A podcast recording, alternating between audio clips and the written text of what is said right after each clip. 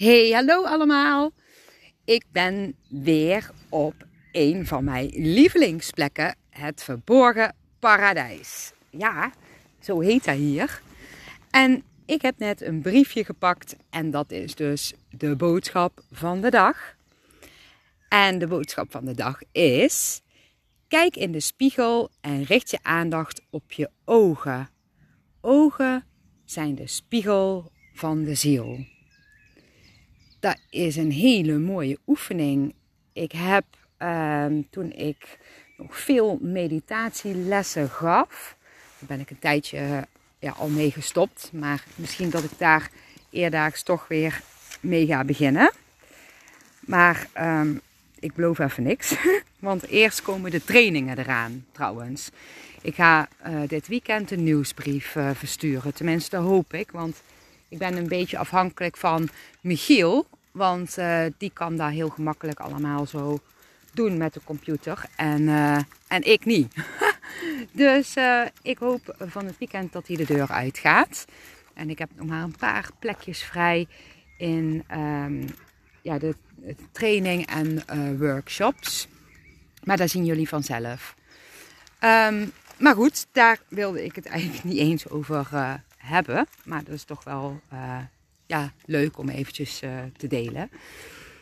Maar in ieder geval, um, ja, toen ik nog meditatielessen gaf, um, heb ik een keertje met een groep, ja, meerdere keren trouwens, met verschillende groepen, want toen had ik een stuk of vijf groepen, een oefening gedaan en had ik ze allemaal een spiegel gegeven. En dan mochten ze in die spiegel kijken. Niet één minuut, maar gewoon een tijdje. En sommigen vonden dat heel moeilijk. Er was, waren er ook twee of zo bij, ik weet niet meer precies, maar in ieder geval zeker twee, die gewoon niet in de spiegel konden kijken. En dat zegt natuurlijk ook wel het een en ander. Hè? Dat zegt wel heel veel over hoe jij jezelf natuurlijk ja, ziet. En misschien heeft dat er ook wel mee te maken uh, ja, dat je jezelf nog niet als heel waardevol kan zien. Tenminste, diegenen die vonden het ook nog heel moeilijk om uh, ja, van zichzelf te houden. En echt de liefde in hunzelf te kunnen zien. Dat is ook een heel proces. Maar die oefening, ja, die deed zoveel. En in eerste instantie kijk je dan in de spiegel. En, uh, oh ja, rimpels. Hé, hey, er zit hier een pukkel, een puist. Van, oh, mijn uh, haargroei is wel heel erg uh, in mijn gezicht. Of er zit net zo'n dikke haar op je kin, zo'n heksenhaar of zo. maar je gaat natuurlijk in eerste instantie met je ego kijken, je punthoofd. En ja, dan zie je wel uh, andere dingen als dat je naar je ziel kijkt. Maar ja, op een gegeven moment zei ik van, ga eens naar je ogen kijken en blijven staren. Zelf heb ik die oefening ook uh, meerdere malen gedaan. En dan ga je zo staren in je ogen en je blijft staren. En je blijft staren en misschien heel lang. Maakt niet uit, neem er de tijd voor. En dan, dan ineens, dan lijkt het net, tenminste bij mij, leek het net alsof ik door een soort van tunnel ging. En toen voelde ik een gevoel en dat was zo speciaal. Dat was intens, liefdevol, een gevoel waar dus ja, geen woorden voor zijn. Is niet echt aards, maar ja, ik maakte contact met mijn ziel. En in die meditatiegroep deden we dat dus ook. En uh, ja, meerdere mensen voelden dat. En dat was zo ja, overweldigend mooi.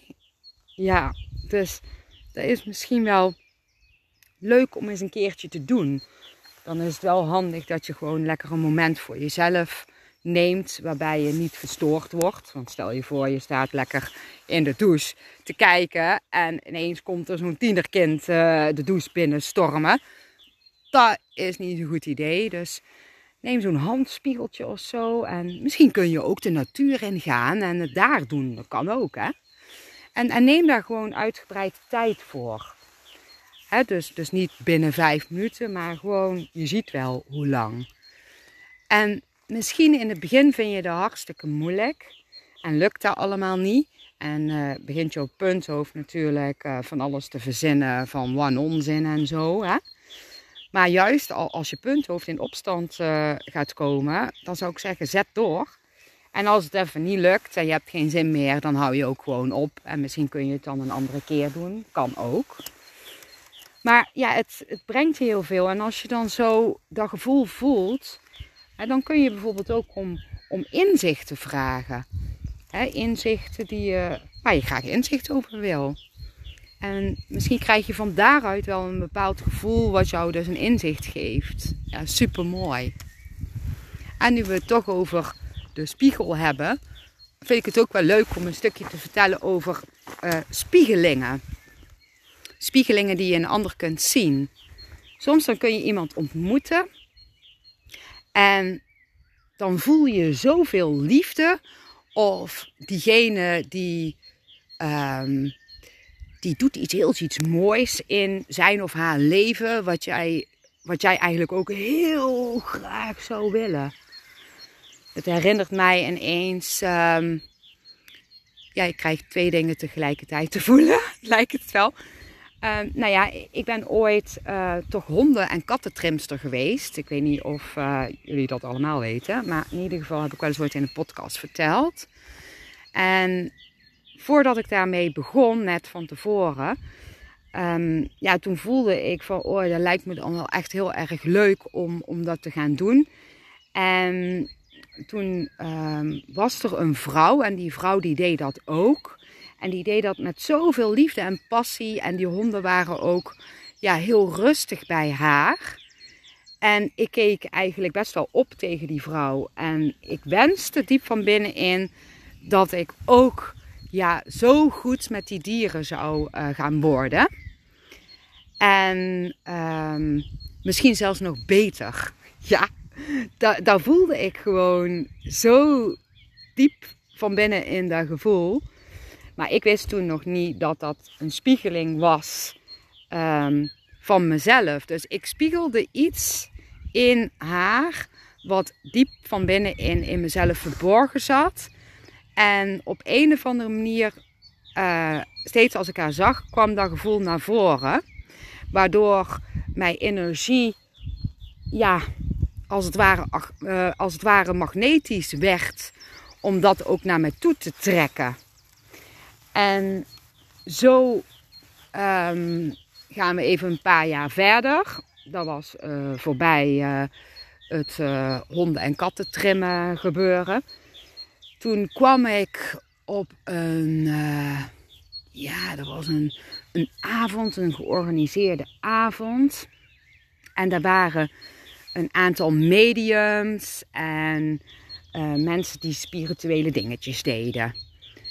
Net zoals een beurs, maar dan iets anders. Weet je wel, je hebt wel eens zo'n spirituele beurs, maar ja, het was toch wel iets anders.